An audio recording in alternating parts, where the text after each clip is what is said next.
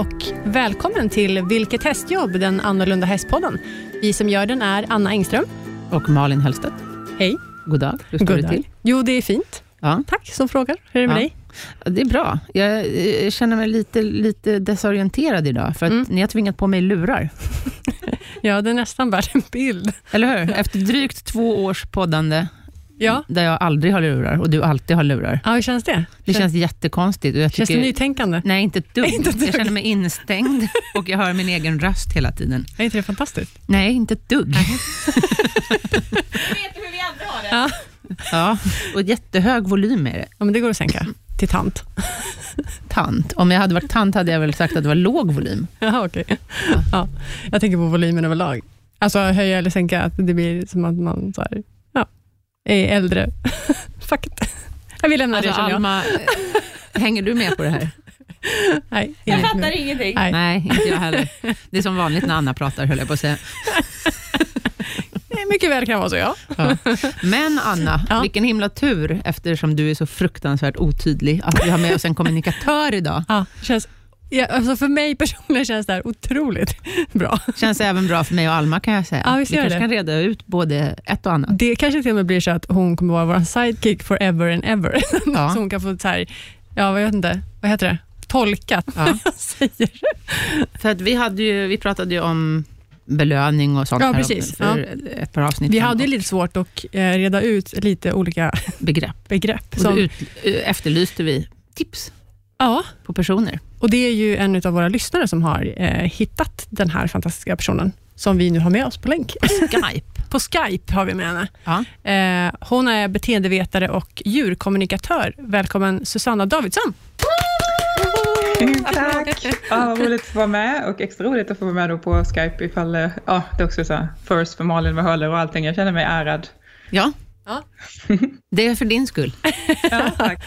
Berätta lite om ditt jobb, Susanna. Vad gör en beteendevetare? Som beteendevetare så har jag läst mycket psykologi eh, och eh, på människa. Eh, Mm. Men sen är mitt, eh, mitt eh, intresse och min hobby är hästar. Jag har haft häst sedan jag var fyra. Så det mesta jag gör i mitt jobb handlar om att eh, förbättra kontakten mellan häst och människa på olika sätt. Mm. Eh, och det kan vara att sitta med bara människan och prata om beteendemönster, tankar, känslor, eh, vad man har för mönster som kanske inte blir så bra. Och sen kan det vara i den praktiska kontakten mellan häst och människa. Eh, dels i, i lektioner i positiv förstärkning eh, och sen håller jag också eh, kurser och workshops i, i de djupare mötena med hästar. Att meditera med hästar och att, eh, eh, i djurkommunikationen då. Mm, mm. Det låter en- lite som en att du är typ psykolog, eh, alltså en, en, en light-version på psykolog. Ja, Alltså, jo men det är det. ja. Alltså, som Om jag beteendevetare så läser man lite färre eh, år än eh, en psykolog är fem och beteendevetare behöver bara vara tre. Jag läste tre och ett halvt. Så, så det kan man säga, absolut. Okej, Du får hjälpa, hjälpa till med min och Annas relation senare i Jag programmet. förstår inte riktigt varandra här. Nej, Ehm, nej men ring, så ringer de till dig och säger så här, jag har problem med min häst, eller min häst har problem. Och sen så säger du, vänder du dig till dem och så här, men du och jag behöver prata igenom, det kanske är du som behöver titta dig i spegeln. Alltså, är det det du vill göra eller är du en person som hjälper, alltså, nu, nu är vi här igen. Anna, jag vet inte hur jag ska försöka få fram det här. nu blir du lång, På- långrandig. Ja, ja. Men förstår ni? Men jag, tror, jag, jag tror jag förstår. Eh, och om man spolar tillbaka vad jag jobbade med för fem år, jag jobbade mer som liksom mental tränare för Ja. ryttare. Och då var det mer att någon ringde och hade problem med eh, någonting i tävlingssammanhang. En Mm. prestationsångest till exempel. Och då satt jag mest med människan och pratade om det. Mental Och sen coachning, Mm. typ. Vad sa du? Typ mental coachning. Ja. Ja. Precis. Eh, och sen successivt eh, så har eh, jag vänt mig mer och mer mot, mot relationen mellan häst och människa. Jag har då läst en, en utbildning för djurkommunikatören Emelie Kajsdotter Eh, och börjat eh, vara som en tolk mellan häst och människa. Men man kan säga så här att jag har två olika glasögon på mig. Jag kan vara anlitad av två olika anledningar och den ena är eh, geokommunikationsbiten djurkommunikatörsbiten som vi kan lämna för nu och den andra är att kolla på beteendet mellan häst och människa. Och då eh, tränar jag själv utifrån positiv förstärkning och eh, hjälper till och ser vad kan vi ändra, ändra här för att eh, ja, människa och häst ska kunna göra det som de vill göra helt enkelt. Mm. Men om någon ringer ut dig och du kommer och så tittar du på ett pass, säg att de har problem med att de blir nervösa inför en tävling. Mm. Eh, och så, så tittar du, då tittar du på ett ridpass. Så kan det vara. Mm. Ja. Och sen liksom, kommer du med övningar till dem då? Ja. Eller, Precis. Eh, ofta är det ju två parallella spår. Dels finns det saker som människan kan öva på utan hästen. Eh, Alltifrån så här, men vad gör jag med den här nervositeten? Hur ska jag göra med kroppen eh, för att bli av med den? Eh, andningsövningar, andra övningar för att liksom lugna eh, kroppen. Och sen kan det finnas övningar ihop med hästen. Att, ja, men hur ska vi få hästen att landa så att det blir lättare att nå fram till varandra, särskilt i ett, ett mer spänt läge som på en tävling när allas adrenalin är högre och därmed kommunikationen blir svårare.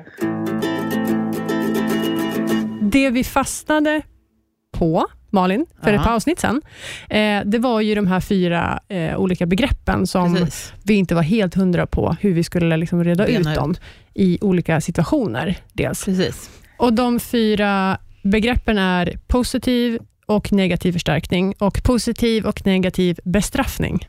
Precis. Vad, Kör, ja, Susanne. jag säger så här, kör. vad, vad är vad och skulle du kunna liksom, i olika situationer eh, beskriva Precis, vad som är konkreta. liksom, ja, mer konkret? Exempel. Ja, absolut. Så det som blir lite förvirrande är ju att eh, när vi pratar positiv och negativ, Mm. när man har de uttrycken, så, så tänker ju vi att eh, det är någonting bra respektive någonting dåligt. Mm. Och så är det inte, utan positiv här är att man lägger till någonting och negativ är att man tar bort någonting. Eh, så eh, positiv förstärkning är att man lägger till någonting bra när hästen gör det man vill. Eh, hästen går framåt och jag ger den en bit morot. Så. Mm. Eh, eller hästen hoppar över ett hinder och den får eh, klickbelöning, eh, så en bit pellets eller någonting. Negativ förstärkning är då istället att man tar bort någonting obehagligt när hästen gör rätt. Eh, exempelvis hästen, eh, jag skänklar hästen, hästen går framåt och då slutar jag skänkla hästen. Så när det vi vill ha, eh, det vi vill ha har hänt, då slutar det jobbiga. Eh, Ett annat alternativ, eh, jag drar i grimman, hästen går framåt, jag slutar dra i grimman. Okej, så negativ förstärkning, då måste jag först lägga till något och sen ta bort det? Ja, precis. Och Det, är måste också finnas i träningen. jätte- Typ. Nej, Det är jag det som blir så till det. förvirrande för att det är också nära positiv bestraffning, Ja. om vi kommer till det sen. Ja. så att det är därför de, de går lite, de är, de är två sidor av samma mynt skulle man kunna säga. Tryck och eftergift. Ja, precis. Och tryck och eftergift. Det är då, alltså negativ eh, förstärkning. neg- Negativ förstärkning, så som man säger traditionellt. Men, och jag hörde att ni pratade om det i det förra avsnittet. Så det som man kan tänka är att inom positiv förstärkning så är det ju inte så att jag inte vill använda tryck alls. Eh, för det skulle vara jätte, eller jag personligen skulle tycka det var svårt. Jag vill kunna använda en hand på hästen eller en skänkel på hästen. Och då, men då brukar man prata om taktila signaler. Alltså Okej. att jag har lärt in det också med positiv förstärkning. Att lägger jag min hand här så vill jag att hästen flyttar undan sig eller kommer mot handen. Eh, Men det trycket blir inte mer och mer och mer om hästen inte gör det. Alltså det eskalerar inte så som det kanske gör i negativ förstärkning där man skänklar mer och mer om inte hästen går fram till exempel. Mhm. Alltså vad svårt det. Jag försöker så här lägga det här det på, ganska- min, alltså så här, på, på det jag gör hemma. Och bara, okay, det är lite svårt att, få, att kunna så här, alltså, få isär allt. Mm. Tycker jag, och det är som inte ganska liksom- förvirrande med de här begreppen och så. Ja. Men som en tanke, för att hjälpa en bara då så är det så här, antingen får jag belöning för det jag vill ha, eh, eller så försvinner något jag inte vill ha. Då utgår man ju från alltid att ne- negativ förstärkning, när du säger så här att ah, men då tar man bort något som hästen inte Mm. vill ha. Det förutsätter ju nästan att det är en ganska grov hjälp du ger först. Ja och För att jag nej. menar, som sagt, om man, om man ger en skänkelhjälp och den inte är jättegrov, Mm. utan om du trycker men med precis. skänkeln, så är ju inte det så att det är direkt plågsamt för hästen. Precis. Eh, och det man behöver veta om då är att om hästen vid något tillfälle har lärt sig att det kommer en lätt skänkel, sen kommer det en grov skänkel och sen kommer det ett spö, eh, så kan det vara så att det räcker att man själv sitter där och är jättemjuk eh, och har den där lätta skänkeln. Men det är svårt för oss att veta, gör hästen det för att den är helt okej för att den tycker det är roligt eller gör den det för att den någon gång i tiden har lärt sig att lätt skänkel leder till hård skänkel leder till spö. Eh, och det blir så lurigt när man då kommer till hur någonting har lagts in hos en häst. Jag vet en av mina hästar, när jag köpte henne så, eh, så sprang hon in i hästtransporten till exempel när jag visade henne en hästtransport. Eh, och sen stod hon där inne och darrade. Mm. Så hon, hon gick inte in där för att hon ville vara i transporten, utan hon gick in för att hon hade fått så mycket stryk utanför transporten. Så, och då var det, det för straffet liksom? Om hon inte gör det? Mm. Precis. Ja, okay.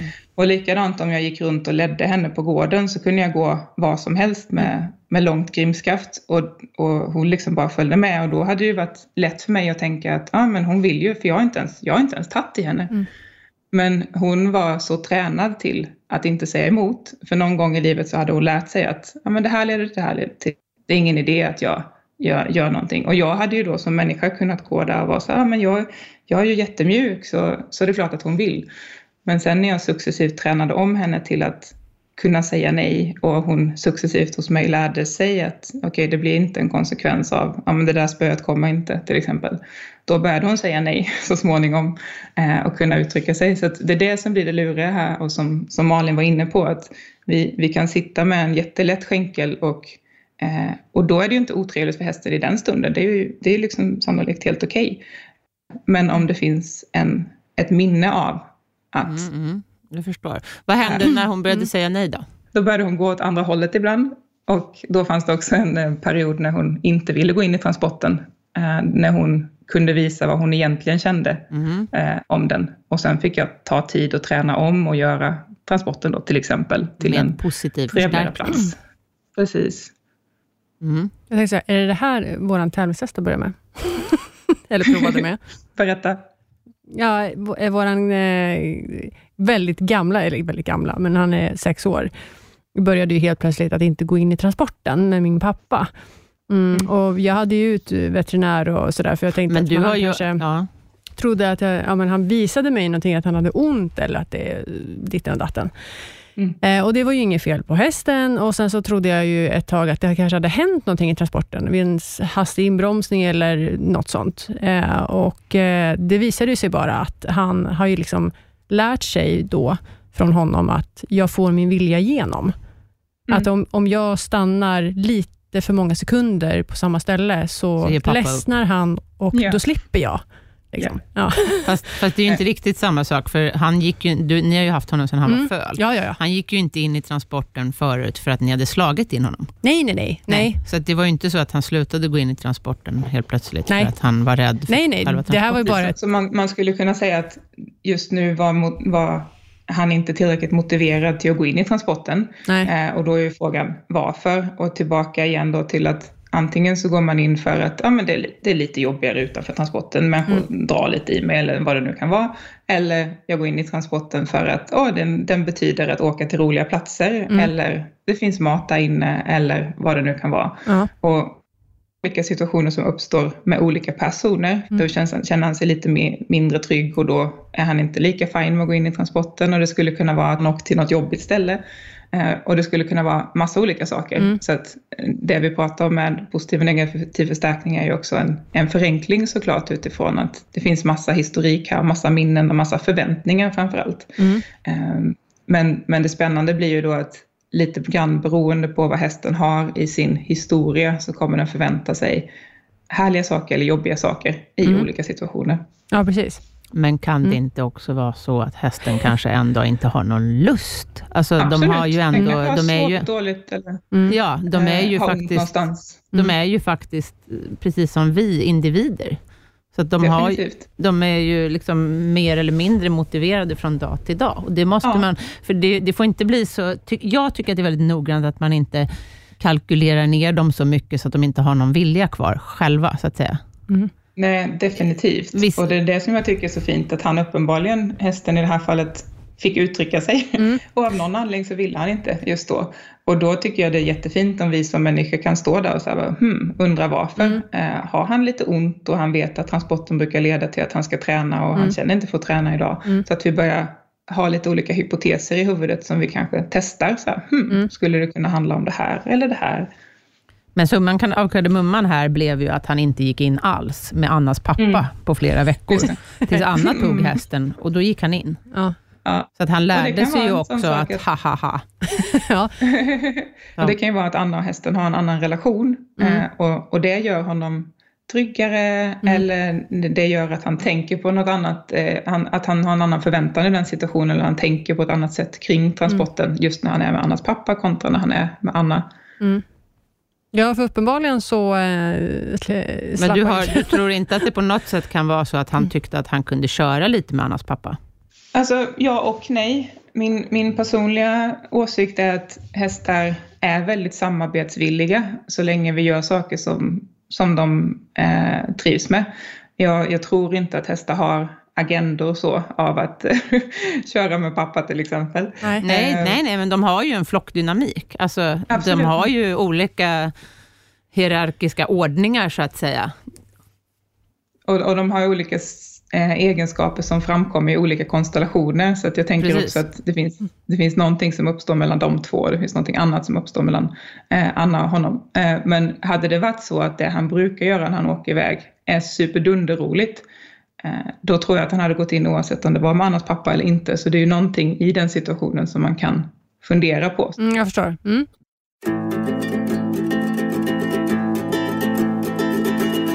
Då går vi vidare till negativ bestraffning. Positiv bestraffning och negativ bestraffning. Ja. Och igen då det vi behöver veta är att när jag säger positiv så betyder det inte bra, utan positiv betyder att någonting läggs till.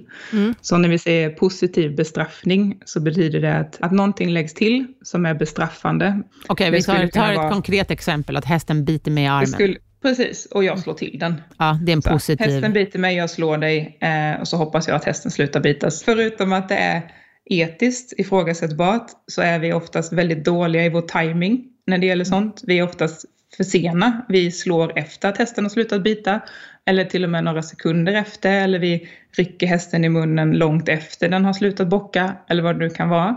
Eh, så att det har också visat sig att hästar har ganska svårt att koppla ihop eh, den, eh, den konsekvensen med det de precis gjorde. Och sen har vi också då den sista och fjärde, vilket är negativ bestraffning. Alltså att jag tar bort någonting eh, i förhoppning om att hästen ska sluta med någonting. Mm. Eh, armen, och, nej.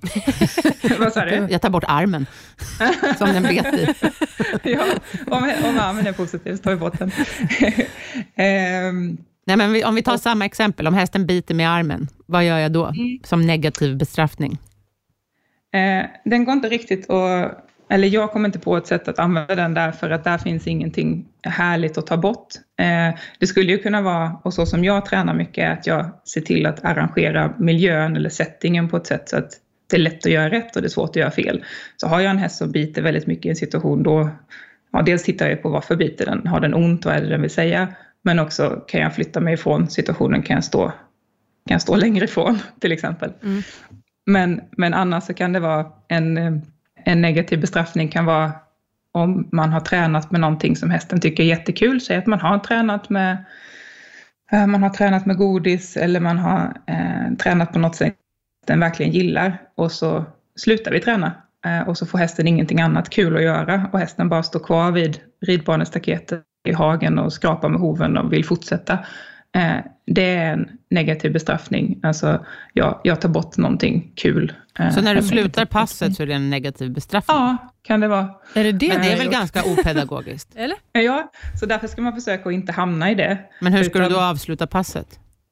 Till exempel att om man tar ut hästen i hagen så kanske man kastar ut en näve pellet som hästen får gå och söka efter eller eh, att man övergår i någonting annat. Säg att hästen gillar att bli ryktad eller kliad, att man tar ut den i hagen och så står man och kliar en stund och sen så får den gå och äta hö så att det liksom fasas över i någonting annat som, som den kan göra som är trevligt. Och hur gör jag eh, med hästen som biter mig i armen då?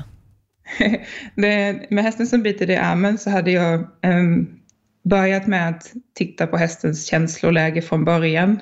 Att uh, hur, hur verkar hästen vara precis här och nu? Är det läge att träna på det här där där det är risk för bitning eller ska jag vänta tills hästen är lite lugnare eller precis har ätit? Att jag håller på och leder eller... hästen till hagen.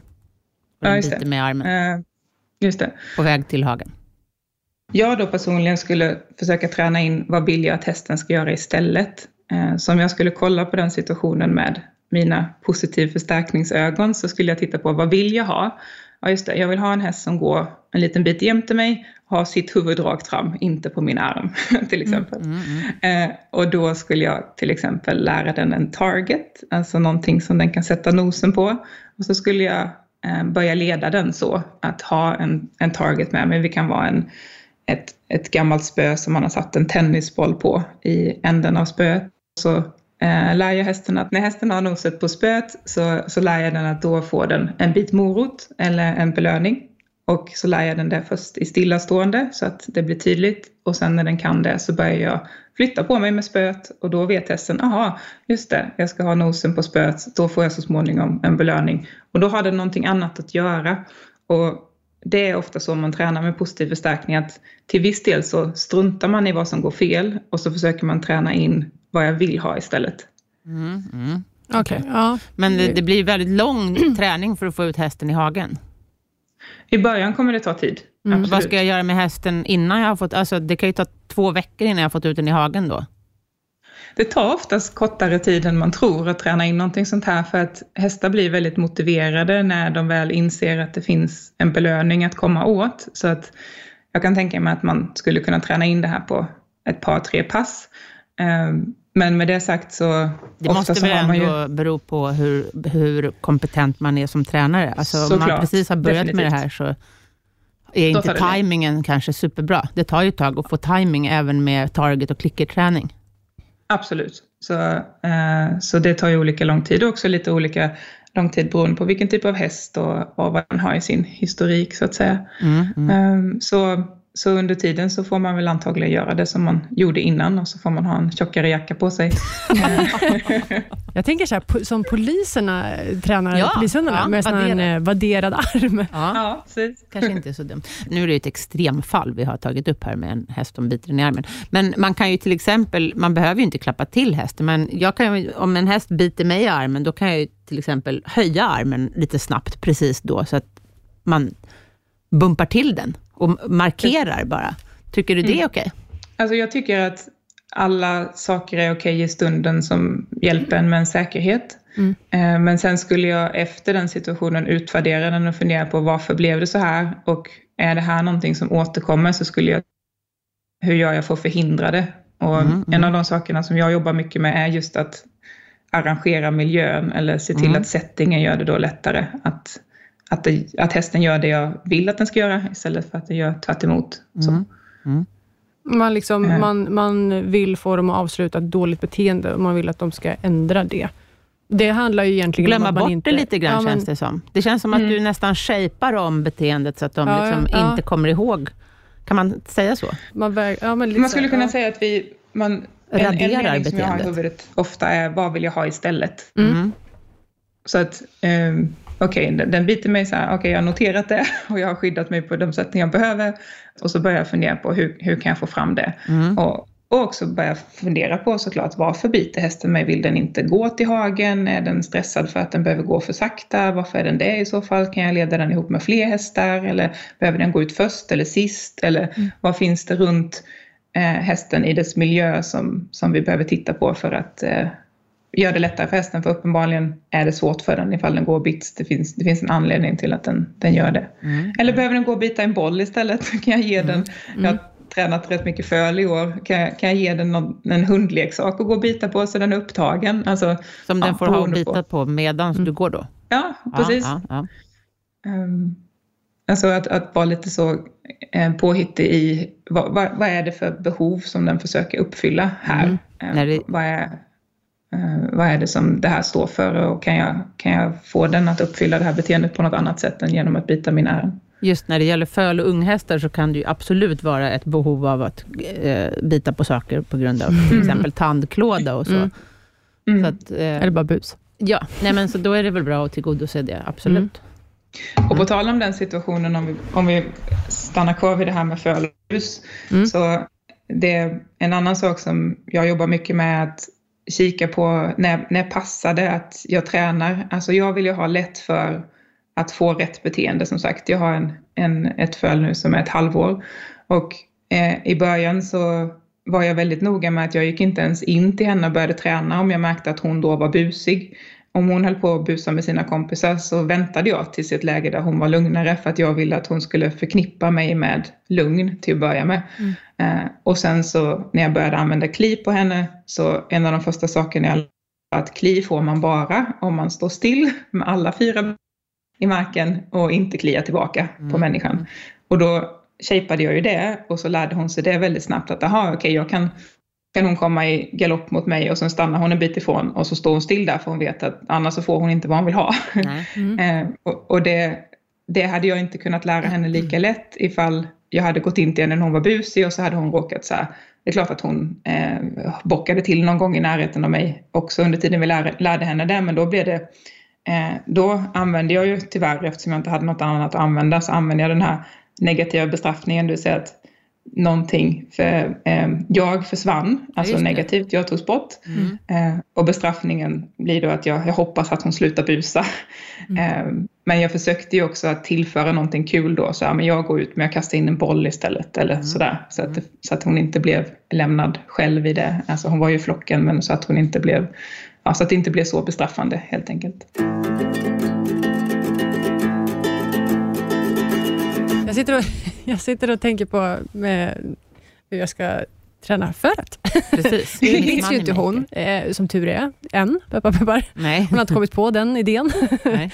Men eh, hon är ju eh, hon är gärna sådär att hon eh, går bak hon vill gärna gå bakom, mm. ganska långt bakom, mm. helst mm. bakom. Och gärna så här, ja, men, gå lite sakta. Och sen tar ju hon fart. Och då mhm. hoppar hon ju fram. Liksom. Så att det blir en sån här ja. Hoppar framåt i snöret? Eller? Ja, precis. Ah, ah, okay. mm. um, och liksom sådär springer fram. Och det, ja, men jag vet inte, det, är ju, det tycker jag mer är sån bus, att man inte, hon, hon vet inte riktigt hur man går ordentligt i ett grimskaft än. Nej. Men jag tänker ju att det kommer nog lösa sig med tiden. Eller? Hon kommer nog förstå det, det sen. Och jag skulle, jag skulle titta på i den situationen, hur kan jag göra det enklare för henne? Mm. Eh, kan jag leda henne ihop med mamman eller någon annan äldre häst för att göra det tydligare att, ja, men, för hon kommer ju vilja vara nära hästen mm. sannolikt och sen öva på det i, i lugna settings, kanske inne i hagen eller någonstans där det inte är så mycket eh, exalterad energi. Mm. Eh, ofta blir det ju så att om, om man är någonstans där det är lite läskigt att vara så är det större risk att det kommer bock och bus och spring och så. Mm, eh, så att, eh, att också se till att hålla sig någonstans där det är där hon är trygg och där det inte byggs upp så mycket spänning eller så. Mm. Mm. Ja, för det här är, har det här uppkommit nu när du har börjat träna, leda henne själv? Ja, alltså hon blir ju mer och mer, alltså jag säger att hon blir mer och mer modig. Ja. för att hon vet hon tycker att ah, det är så tråkigt att gå i det här greppskaftet. Det händer ja. ju ingenting. Eh, och det förstår jag också, att det är tråkigt mm. att gå med mig singel. Så. Eh, så jag tänker bara att det, det, hon är bara hon är uttråkad. Alltså hon mm. förstår inte riktigt vad, vad är meningen och syftet med att vi ska gå omkring här och bara gå.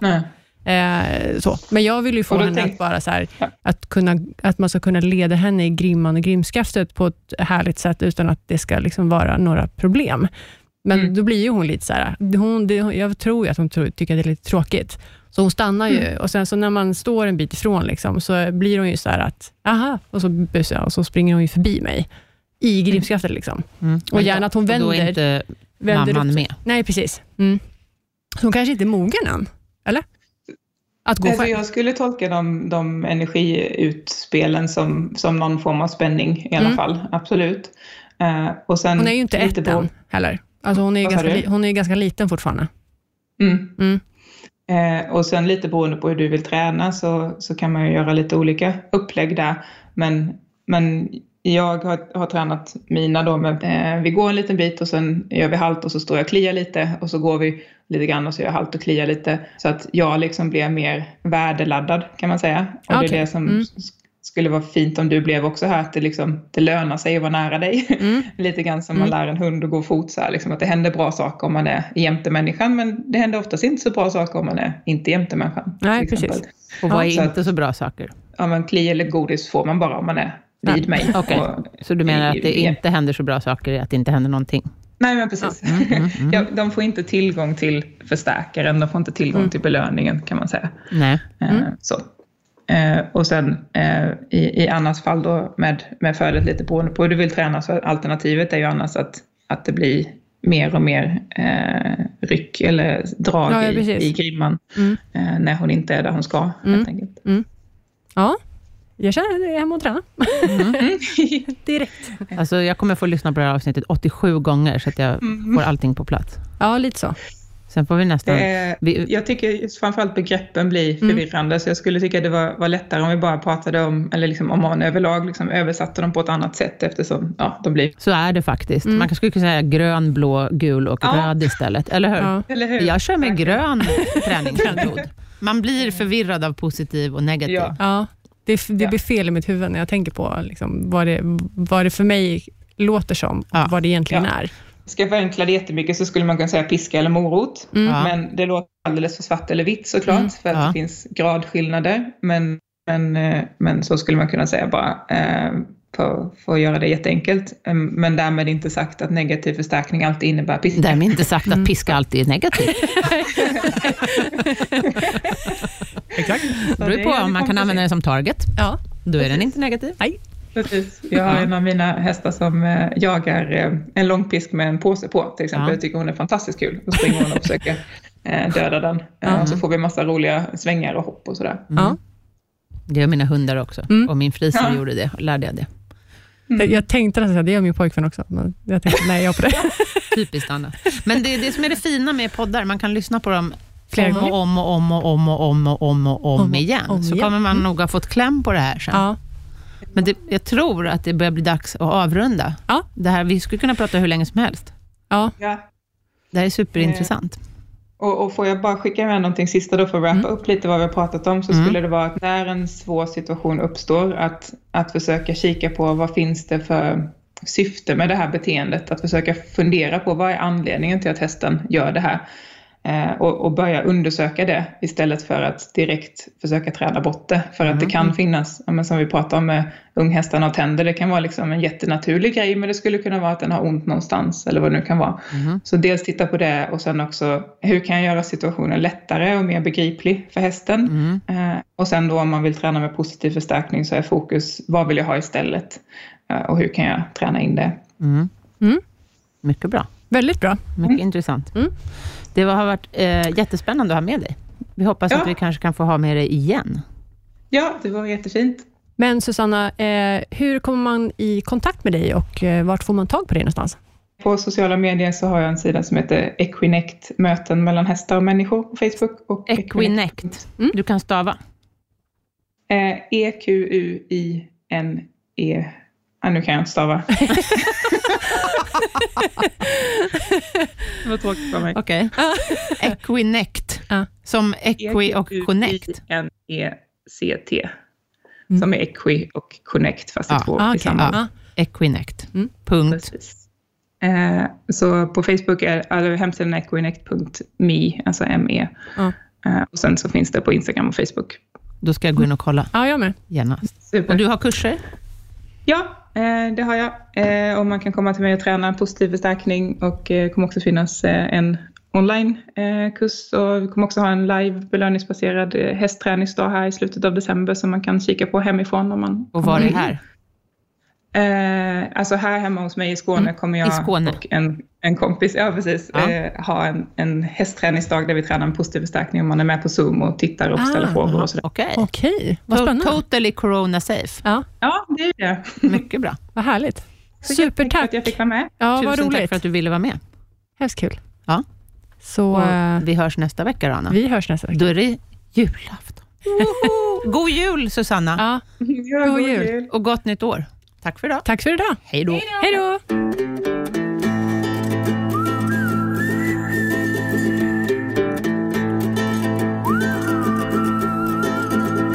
Produceras av I Like Radio.